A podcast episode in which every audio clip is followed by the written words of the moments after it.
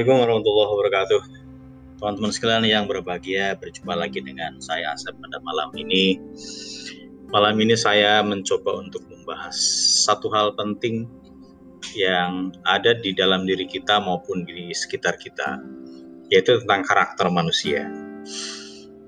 Kita sering bertemu dengan karakter orang yang bermacam-macam. Ada yang menyenangkan, ada yang tidak menyenangkan, ada yang selalu tersenyum dan ada juga yang uh, selalu cemberut dengan ekspresi yang uh, tidak menyenangkan pada orang lain. Tapi malam ini saya tidak akan membahas karakter itu. Yang saya ingin bahas adalah tentang karakter substansi manusia yang akan uh, orang tersebut akan menemukan titik mana di akhir nanti ketika memiliki tiga karakter ini. Eh, yang pertama adalah karakter orang yang malas. Malas ini bermacam-macam. Ada yang memang malas tidak memiliki motivasi disebabkan karena sejak awal dia tidak memiliki tujuan.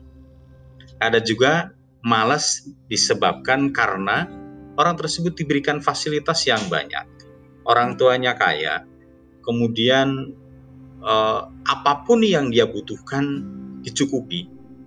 Sampai-sampai dia berkata, untuk apa saya bekerja keras kalau pada hari ini saya sudah bisa menikmati berbagai macam hal yang saya inginkan. Orang tua yang memanjakan anaknya dengan berbagai macam fasilitas, dengan berbagai macam uh, keinginan, ke, semua keinginannya dipenuhi, maka dipastikan orang tersebut akan memiliki watak malas dan enggan untuk mencari sesuatu hal. Apakah enggan untuk mencari ilmu pengetahuan, enggan untuk bekerja keras, dan enggan untuk melakukan hal yang lainnya.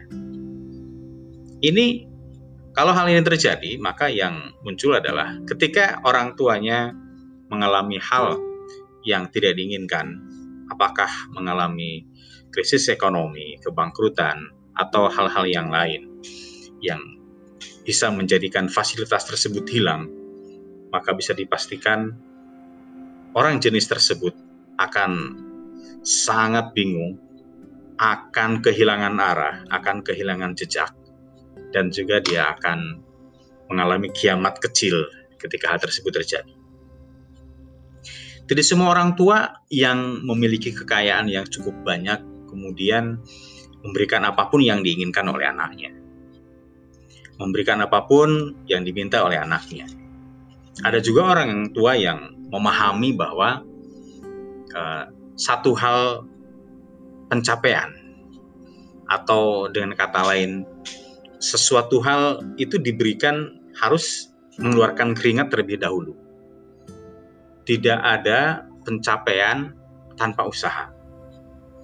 Jenis orang tua ini akan memberikan pendidikan kepada anaknya berbeda dengan jenis orang tua yang pertama. Kalau karakter orang orang tua yang kedua, dia akan mencoba untuk mendidik anaknya dengan berbagai macam tanggung jawab yang diberikan kepada anaknya, sampai anak tersebut memahami bahwa segala sesuatu hal ketika ingin dicapai, maka harus ada usaha tertentu. Sehingga dengan usaha tersebut akan sampai pada titik tertentu. Contoh sederhana seperti ini.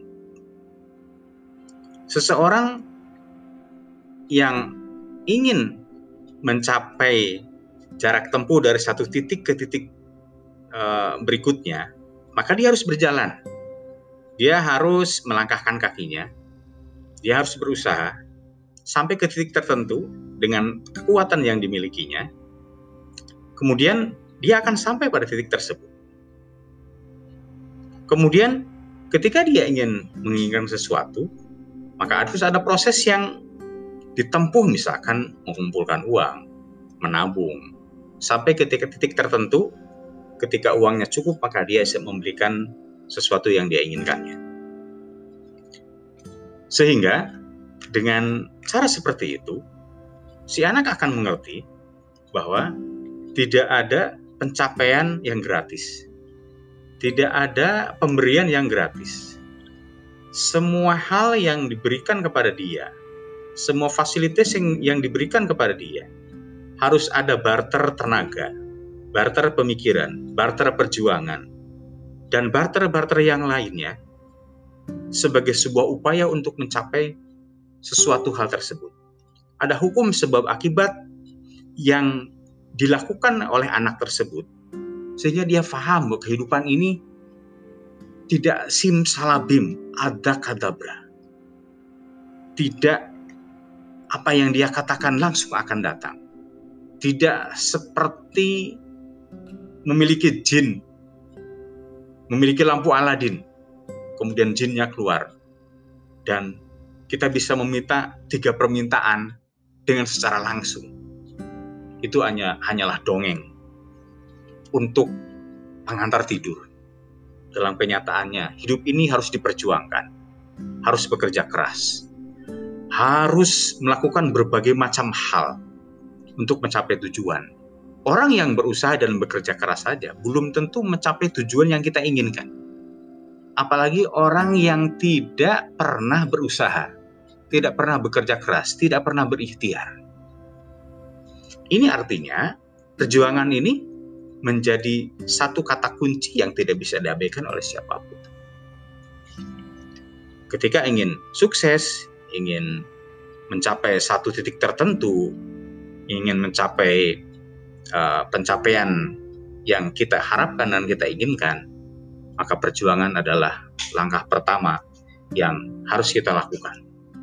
Nah, transfer uh, pengalaman orang tua kepada anak inilah yang menjadi kata kunci penting bagaimana caranya pengalaman orang tua ketika dulu bekerja keras ditransfer kepada anaknya dengan cara-cara tertentu.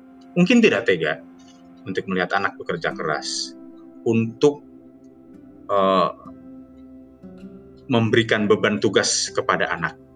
Ketika kita ingin memberikan sesuatu, maka anak harus melakukan sesuatu terlebih dahulu. Tetapi ketidaktegaan itu tidak ada alasan untuk dilakukan terus uh, untuk tidak dilakukan. Kita tegas saja. Sudah tentu dengan cara-cara tertentu. Sudah tentu dengan komunikasi yang difahami oleh kedua belah pihak. Sehingga ketika melakukan sesuatu itu bukanlah sebuah upaya dalam tanda petik orang tua tidak sayang pada anaknya, tetapi justru karena saking sayang seorang tua pada anaknya, maka dia tidak memberikan fasilitas tidak memberikan seluruh fasilitas yang diinginkan, yang diinginkan oleh anak, tidak mengiakan semua yang diinginkan oleh anak. Tidak heran ketika banyak uh, ada perusahaan-perusahaan ketika generasi pertama berhasil, kemudian generasi kedua berhasil, tapi belum tentu generasi ketiga berhasil. Sebab pola pendidikan generasi pertama kepada generasi kedua bisa jadi berbeda dengan pola pendidikan orang tua pada generasi kedua pada generasi yang ketiga. Teman-teman sekalian yang berbahagia. Yang kedua adalah orang yang cepat berpuas diri dengan pencapaian tertentu dan masuk zona nyaman. Ini kategori, awalnya adalah kategori orang yang uh, pekerja keras. Tetapi ketika dia mencapai titik tertentu, maka dalam pikirannya muncul keinginan untuk segera menikmati hasil dari kerja kerasnya, sehingga dia masuk ke zona nyaman dan dia akan berpikir untuk memulai kembali, untuk bekerja keras kembali. Tipe orang yang kedua ini banyak sekali terjadi di sekitar kita. Awalnya mungkin orang tersebut dalam kondisi ekonomi yang kekurangan, dalam kondisi ekonomi yang susah. Kemudian dia berusaha ke sana kemari untuk bekerja, untuk berbisnis, dan untuk mencari model pendapatan sehingga dia menemukan satu titik breakthrough atau uh, dia mengalami kuantum, mengalami lompatan di dalam berbisnis dan menghasilkan revenue, menghasilkan omset, bahkan menghasilkan laba yang luar biasa. Jangan lupa, ketika menghasilkan laba yang luar biasa, godaannya adalah zona nyaman dan berpuas diri. Dan dia akan berpikir bahwa itu adalah pencapaian. Padahal di sisi kanan, di sisi kiri, ada godaan-godaan lain yang memungkinkan orang tersebut bisa saja jatuh kembali ke bawah, kembali miskin, dan kembali tidak memiliki apa-apa. Karena pencapaian yang dia dapatkan tidak dikelola secara bijak, tidak dikelola secara baik. Satu dua tahun mendapatkan untung miliaran rupiah, kemudian dia nggak sabar untuk membeli mobil yang mewah, membeli kendaraan yang mewah, membeli rumah yang mewah, dan membeli barang-barang yang mewah yang bisa saja barang tersebut tidak dibutuhkan sebetulnya. Tapi dia membeli untuk mendapatkan kekaguman orang lain, untuk mendapatkan penghargaan orang lain, dan ingin disebut wow oleh orang lain. Teman-teman sekalian yang berbahagia. Kemudian, Karakter manusia yang ketiga adalah karakter manusia yang selalu bekerja keras. Tapi setelah melakukan pencapaian sampai pada tujuan yang uh, tujuan antara karena tujuan ini bermacam-macam. Tujuan ini tidak hanya satu kan. Tujuan antara misalkan uh, tipe yang ketiga ini mencapai omset tertentu, pendapatan tertentu, keuntungan tertentu setelah mendapatkan keuntungan tertentu. Orang tipe, tipe ketiga ini berpikir bahwa dia harus menunda kenikmatan. Apa bentuk menunda kenikmatan? Bentuk dalam menunda kenikmatan adalah dia tidak buru-buru ingin membeli sesuatu. Tidak buru-buru untuk membeli barang mewah. Tidak buru-buru untuk membeli sesuatu yang dia inginkan bah bahkan sesuatu itu tidak diperlukan sebetulnya. Dia cukup bersabar, dia cukup bijak di dalam mengelola hasil bisnisnya dan dia mengeluarkan sesuatu hal, membelanjakan uangnya dengan ukuran manajemen keuangan yang betul-betul terukur. Artinya begini, kalau memang perlu ya dibelanjakan, kalau yang tidak perlu ya tidak usah. Bahkan dia berpikir setelah mencapai titik tertentu, pencapaian tertentu, keuntungan tertentu, dia mencari tantangan yang baru. Jadi tidak cukup puas dengan pencapaian tersebut. Dia mencari lagi, mencari lagi, mencari lagi, dan mencari lagi. Dan keluarganya pun tidak dididik dalam kemewahan, tetap dididik dalam kesederhanaan. Biasanya orang tipe ketiga ini di samping dia berhemat, tetapi dia juga memiliki prinsip filantropis yang tinggi. Membantu orang lain, kemudian mendukung orang-orang yang kekurangan, dan selalu melihat orang yang kekurangan harus dia support, dia dukung. Teman-teman sekalian yang berbahagia, termasuk di wilayah manakah kita? Saya, Anda, pendengar. Bisa jadi seseorang harus mengalami fase yang pertama. Yang tidak memiliki motivasi, kemudian malas karena orang tua kita cukup kaya dan memberikan fasilitas. Kemudian kita jatuh. Nah, ketika jatuh itu, kemudian tersadar bahwa pengalaman selama ini karakter selama ini tidak menguntungkan dirinya dalam jangka panjang, sehingga orang tersebut bisa berubah. Mungkin bisa juga kita masuk dalam kelompok karakter yang kedua, cepat berpuas diri dan ingin mencapai sesuatu hal, ingin membeli sesuatu hal walaupun tidak penting, masuk zona nyaman. Namun ketika masuk ke zona nyaman itu, lagi-lagi kejadian yang tidak kita inginkan terjadi, kemudian kita terpuruk, dan dari keterpurukan tersebutlah kita tersadar bahwa pengalaman sebelumnya tidak bisa dipertahankan secara konsisten karena masuk zona nyaman, kemudian cepat berpuas diri, dan juga uh, selalu penasaran dengan sesuatu yang diinginkan. Itu adalah karakter yang akan merugikan dirinya sendiri. Dan akhirnya pelajaran tersebut bisa menjadikan orang tersebut berubah. Dan dia tidak lagi melanjutkan karakter yang sebelumnya. Dia berubah, dia banyak belajar, dan dia banyak melakukan perubahan-perubahan dalam dirinya ke arah yang lebih baik, tidak boros, kemudian juga hidup hemat. Kemudian kalau misalkan kita sudah mencapai pada tingkat yang ketiga, pertahankan. Karena inilah sebetulnya karakter yang ideal. Pekerja keras yang menunda kenikmatan adalah orang sukses yang akan terus-menerus sukses. Apalagi orang tersebut diberikan bekal ilmu pengetahuan, wawasan, belajar terus-menerus.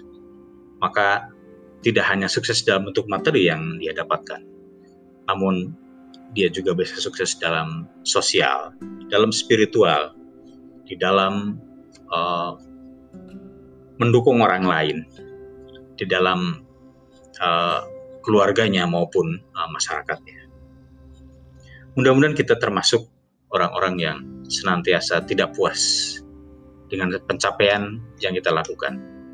Tidak puas bukan berarti tidak bersyukur, tetapi kita tidak mau untuk uh, berdiam diri setelah mencapai pencapaian tertentu. Kita terus berusaha semaksimal mungkin. Kita terus belajar semaksimal mungkin untuk mencapai titik tertentu. Namun, ketika semua pencapaian yang kita dapatkan tidaklah berpikir pencapaian tersebut hanyalah untuk diri kita sendiri. Pencapaian tersebut selain untuk diri sendiri, untuk keluarga, dan juga untuk orang banyak. Sehingga keberadaan kita betul-betul bisa bermanfaat bagi keluarga maupun masyarakat banyak. Dan akan lebih baik lagi kalau keberadaan kita bermanfaat bagi diri kita bagi keluarga, masyarakat, dan juga bagi agama kita. Terima kasih. Mari kita mengevaluasi diri terus-menerus sehingga kita bisa paham sebetulnya karakter seperti apa yang terbaik yang harus kita miliki dan harus kita pelajari. Dan insya Allah kita akan menjadi pemenang dalam hidup ini.